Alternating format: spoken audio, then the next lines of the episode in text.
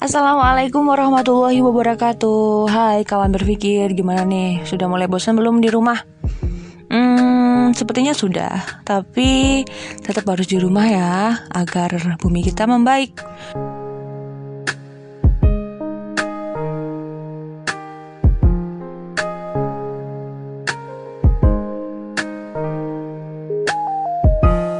uh, kita bisa kok di rumah mengerjakan hal yang menyenangkan, bermanfaat, seperti membaca buku, menulis blog, kemudian berkomunikasi dengan orang tua yang selama ini mungkin kita ini uh, aktif di luar dan sudah jarang sekali komunikasi dengan orang tua.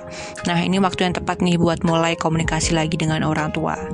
Tapi kali ini aku nggak akan bahas lebih banyak terkait uh, apa saja hal-hal yang harus dilakukan di rumah Cuman di waktu di rumah aja ini uh, seperti ada ruang kontemplasi diri gitu ya. Karena kan kita mungkin ya kita itu jarang muhasabah diri, kemudian kurang koreksi diri gitu ya sama ya muhasabah sama koreksi. Nah, waktu di rumah aja ini aku mulai mempertanyakan lagi nih eksistensi aku hidup, kemudian mulai memikirkan lagi bagaimana masa depan aku, mulai memikirkan lagi apa yang akan aku ambil, keputusan apa yang aku ambil di masa depan, kemudian karena kita sering hari ini aku ya terutama sering komunikasi dengan orang-orang terdekat kemudian muncul pertanyaan-pertanyaan kapan nikah, kemudian pertanyaan-pertanyaan akan lanjut S2 atau enggak, dan pertanyaan sangat banyak pertanyaan itu memunculkan satu uh, apa ya, suatu perasaan yang gak enak ya pastinya. Nah, kemudian aku penasaran kan ya. Kemudian aku cari di beberapa jurnal, ternyata aku nemu nih satu istilah yang menarik yaitu quarter life crisis. Apa sih quarter life crisis? Mungkin teman-teman juga pernah merasakan ya apa ini quarter life crisis di mana uh, ini sering terjadi di sekitar umur 20 sampai 30-an nih di hasil pembacaanku. Uh, quarter life crisis ini adalah periode seseorang mempertanyakan kembali uh, identitas dirinya, kemudian tujuan hidupnya, masa depannya. Dan dari hasil pembacaanku, quarter life crisis ini biasanya dialami oleh manusia umur 20 sampai 30 tahunan di mana banyak hal yang dipertanyakan ya tadi seperti karir, finansial, kemudian relationship.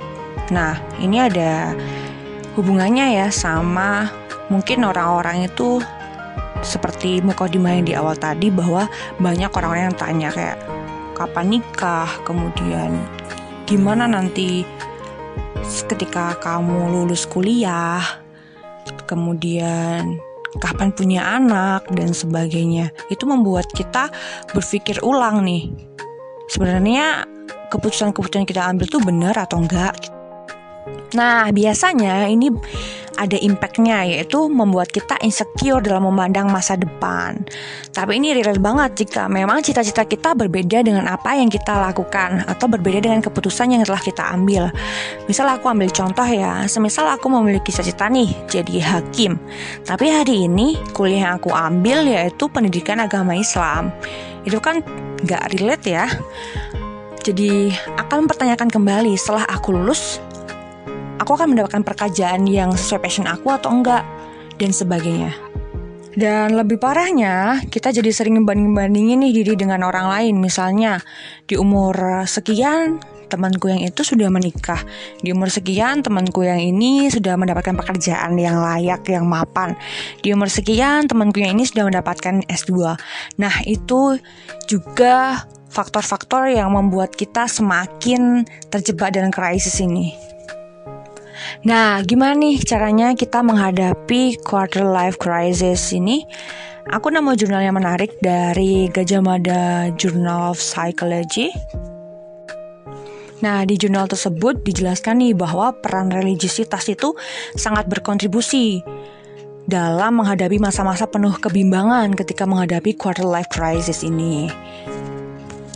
Di hasil penelitian itu, semakin tinggi tingkat religiositas individu, maka semakin rendah pula nih tingkat quarter life crisis seseorang. Nah, karena nilai-nilai kebaikan di dalam agama dianggap mampu membantu individu untuk menyelesaikan permasalahan-permasalahan lebih terarah sesuai dengan akar permasalahan yang dihadapi. Nah, selain dengan peran religiositas itu, kita nih sebagai mahasiswa yang masih menjadi tanggungan orang tua, bisa juga dengan cara kita komunikasi dengan orang tua. Nah, karena apa? Karena pasalnya orang tua adalah lingkungan terdekat dengan kita. Orang tua masih memiliki tugas dan tanggung jawab atas fungsi-fungsi psikologis, pendidikan, sosial ekonomi, dan religiositas selama kita masih di dalam asuhannya atau didikannya. Nah, selain tadi meningkatkan peran religiositas, kemudian dan memulai komunikasi dengan orang tua, ada satu lagi yang benar-benar harus kita lakukan. Ya ini, aku prefer kita harus evaluasi diri. Kita harus tahu nih, kita petakan ulang cita-cita kita itu apa. Kemudian sebenarnya manfaat kita untuk mengambil keputusan ini itu apa dan keputusan yang lain itu seperti apa. Kemudian setelah kita paham manfaatnya apa, kita analisis nih hambatannya ketika kita keputusannya itu adalah A, apa yang terjadi, B, apa yang akan terjadi. Dan selanjutnya ketika kita sudah menganalisis itu semua, kita tentukan nih rencana untuk mencapai cita-cita kita itu apa. Nah, tapi yang perlu digarisbawahi bahwa cita-cita di sini bukan hanya berarti sebuah profesi, tapi bisa juga cita-cita relationship seperti apa yang diharapkan, kemudian cita-cita finansial ke depannya seperti apa yang diharapkan dan sebagainya. Nah, itu dia hasil pembacaanku terkait quarter life crisis. Entah aku sedang menghadapi quarter life crisis ini atau tidak, tapi ini adalah satu ilmu baru yang sangat bermanfaat agar kita tidak gagap ketika mengalami quarter life crisis ini. Oke, okay, that's all. Sampai jumpa di bintang malam selanjutnya. Semoga bintang selalu bisa menyinari. Panjang umur hal-hal baik. Jangan lupa berpikir, beramal, dan bertuhan. Wassalamualaikum warahmatullahi wabarakatuh.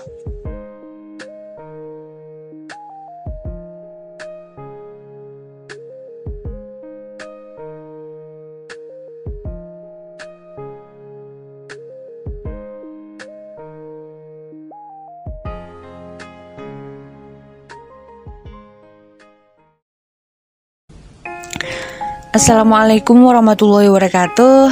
Bismillahirrahmanirrahim. Episode kemarin kita sudah bahas terkait quarter life crisis secara permukaan. Hari ini kita akan bahas lagi nih terkait quarter life crisis. Karena most of us pasti akan merasakan quarter life crisis. Nah gimana nih kita menghadapi masa-masa itu dengan tetap produktif dan positif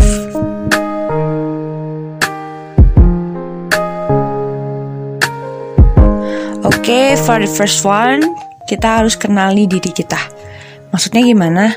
Karena kita mungkin jarang ya melakukan self assessment.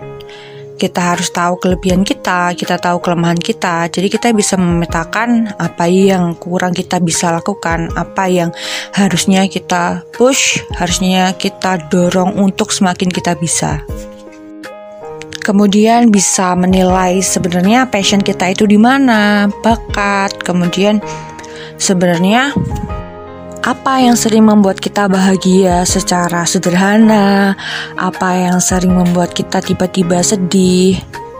Dan itu semua bisa dilakukan nih dengan bersikap jujur pada diri sendiri. Sangat penting sekali kita untuk mengevaluasi diri kita. Sebenarnya apa sih tindakan-tindakan yang membuat kita tidak nyaman?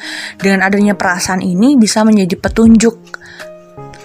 Seharusnya perilaku-perilaku atau kebiasaan-kebiasaan apa yang harus kita hindari. Kemudian yang harus mulai kita perbaiki. Dan cara-cara apa kita untuk bisa mengubahnya. Uh, aku jadi teringat nih sama uh, beberapa perkataan yang mengatakan bahwa kita harus jadi diri kita apa adanya. Kalau aku sih nggak sepakat ya sama pernyataan itu karena apa? Karena Karena kita pu ketika kita puas dengan diri kita yang apa adanya, kita nggak akan nih melakukan upgrading pada pola pikir kita. Kayak semisal aku awal kuliah dengan aku yang sekarang itu pasti mengalami perubahan-perubahan. Kalau dibilang aku mengikuti mazhab apa adanya, berarti aku awal kuliah itu harusnya tidak tidak berbeda dengan aku yang sekarang. Nah, ini tuh sering disebut namanya growth mindset. Jadi bukan mengiyakan aku apa adanya hari ini, tapi kita harus mengiyakan adanya perubahan-perubahan di dalam diri kita, di dalam pola pikir kita, di dalam tindakan-tindakan kita setiap harinya. Jadi whatever we do pasti melakukan perkembangan. Nah, makanya sangat penting banget nih untuk kita paham terkait diri kita, kenali diri kita. Untuk memiliki growth mindset dan akhirnya menjadikan kita semakin gorgeous. Dan biasa dikatakan menjadi part terbaik dalam diri kita. Oke, okay, setelah kenali diri sendiri, Cara kedua untuk tetap produktif dan positif pada quarter life crisis adalah menceritakan kepada orang lain. Maksudnya gimana? Pada masa krisis ini pasti kita memiliki masalah, memiliki pertanyaan-pertanyaan yang belum bisa terjawab. Maka dari itu sebaiknya kita menceritakan atau membagi beban kepada orang lain. Walaupun pada realitanya kita sering menemukan orang-orang yang kurang bisa mendengarkan dengan baik, memberikan feedback seperti apa yang kita inginkan. Kita baru cerita dua kalimat, dia sudah menceritakan dirinya 100 halaman. Hmm, tapi itu gak masalah buat kita sebenarnya. Karena bisa melatih kita menjadi pendengar yang baik. Makanya ini penting banget untuk teman-teman cari partner bicara yang tepat, yang nyaman, yang nyambung.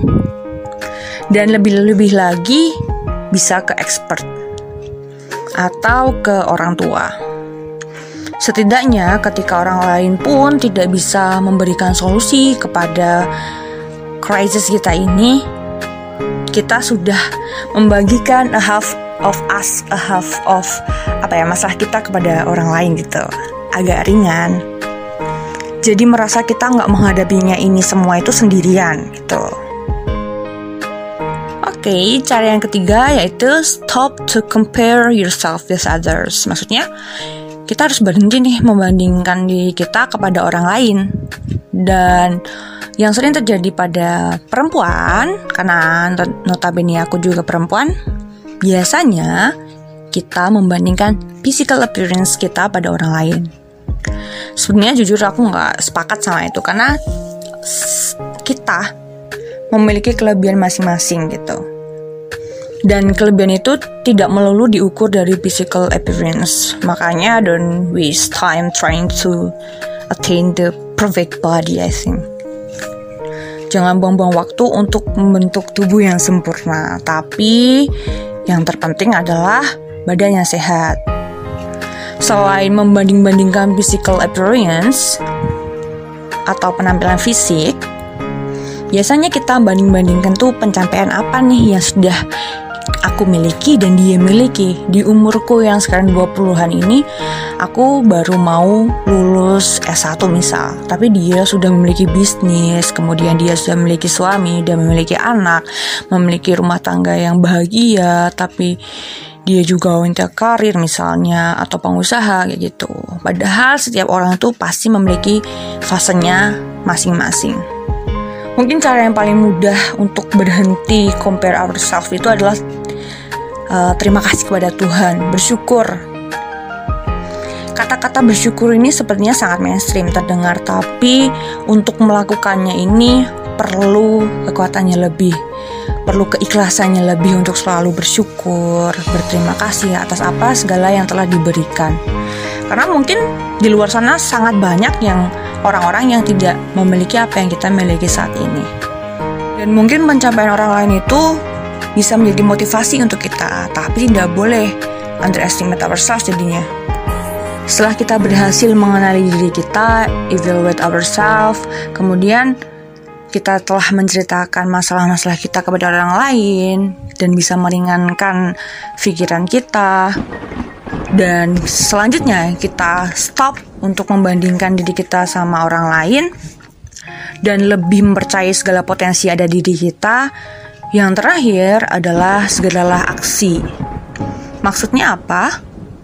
Segeralah bertindak segala sesuatu yang bisa mengeluarkan kita dari fase quarter life crisis ini dan melakukan hal-hal produktif dan positif yang terstruktur, terukur, terorganisir untuk mencapai segala cita-cita pengharapan kita di masa depan. Tentunya itu bisa menghilangkan segala kecemasan, keraguan-raguan, menjawab pertanyaan-pertanyaan yang selama ini mengganggu di umur kita saat ini right, tetap produktif dan positif, selalu berpikir, beramal, dan bertuhan. Wassalamualaikum warahmatullahi wabarakatuh.